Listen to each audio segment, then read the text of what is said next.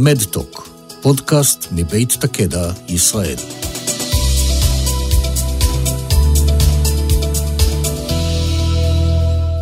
Welcome to MedTalk, Takeda podcast. Today we are hosting at MedTech Ra'anana the third annual destination conference. My name is Liat Alon, and we are very excited to have with us today Elisa Mesh Eliascu, Managing Director at MedTech Ranana Innovation Center. Hi, Elisa. How are you? Hello, Liat. Good. How are you? I'm fine. Thank you. Very exciting for this conference.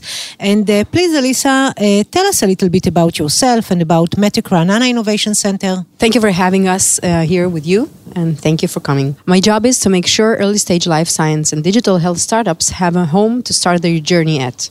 MedTech Ra'anana is in the center of the innovation in the medical and health industry, supporting the startups and providing a valuable deal flow for investors, while working with many partners, corporates, and organizations in the ecosystem. This is an exciting place to be at and take part in promoting a better healthcare. Can you please describe what kind of startups can find a place here in Ra'anana? Yes, sure. The startups that already have made some progress have a prototype or a proof of concept in digital health, medical devices, pharma, biotech, assistive and rehabilitation technologies. When they need to define their product, work on their business model, and go to market strategies and understand their workflow in the industry, they are welcome to apply to our acceleration program. By the way, the next one, number 11, kicks off on February 18. Wow, it's really soon. So this is the time to This is the- proposal?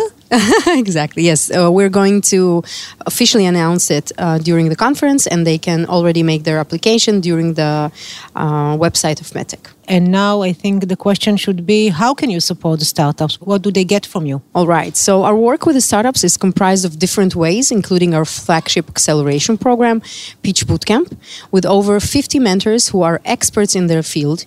We have events and meetups that are focused on valuable content and connection to the right to networking suitable for their needs, access to investors, and of course, our annual destination conference that we are having today that bridges between innovation and the field. And it's always good to hear about uh, success. So can you share with us a few success stories? We have many success stories.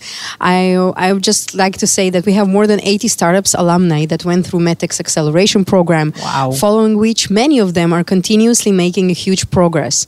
I, um, I suppose some of their names are familiar to you. We have iControl, Genetica Plus, NanoSynex, Neurosense Therapeutics, HT Bioimaging, and the list just goes on. It sounds a lot and it's really a lot.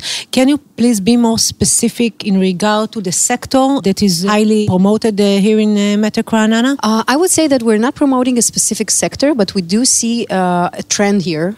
Uh, every program, we're getting more and more digital health startups, which is not a surprise.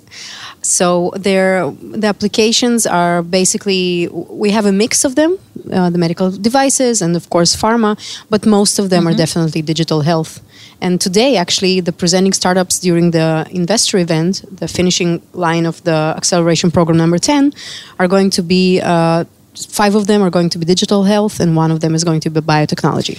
Okay, and now since we are uh, just about to celebrate a new uh, decade soon, so I would like to know what is your vision for MedTech Ra'anana for the next uh, coming uh, decade? All right. Um, we have lots of things that we're thinking about, and our vision is mainly to continue enhancing our strong connection with the startups and supporting their success, not only the early stage ones. So, my vision is for MedTech to be the compass that guides them and enables them to pave their way in later stages as well, together with different partners in their success. So, we would like to see them having a more deep and wider acceleration program and hopefully with partners to have a stake in their success.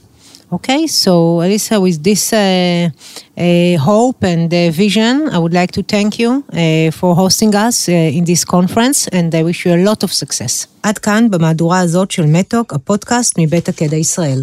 תודה שהייתם איתנו, אתם מוזמנים להעביר את התכנים המובאים בפודקאסטים שלנו גם לידיעתם של עמיתים אחרים. נשתמע בקרוב כדי להיות קשובים לבריאות.